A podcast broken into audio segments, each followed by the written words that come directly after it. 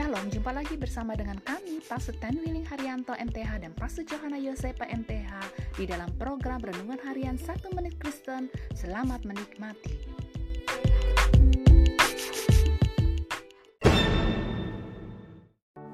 Shalom saudara yang berharga di mata Tuhan, senang dapat jumpa dengan saudara.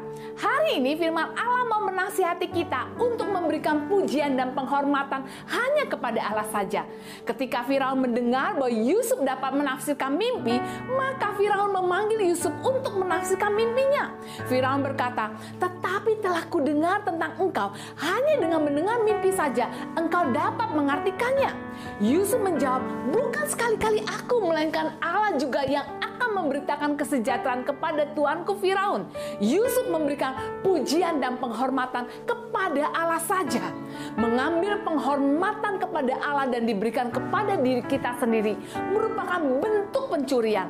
Sadarilah saudara bahwa kemampuan kita terbatas. Jika kita melakukan yang tak terbatas, hal itu merupakan perbuatan Allah semata-mata. Jangan berdiam diri jika saudara tahu saudara seharusnya memberikan pujian, penghormatan hanya kepada Allah saja. Amin.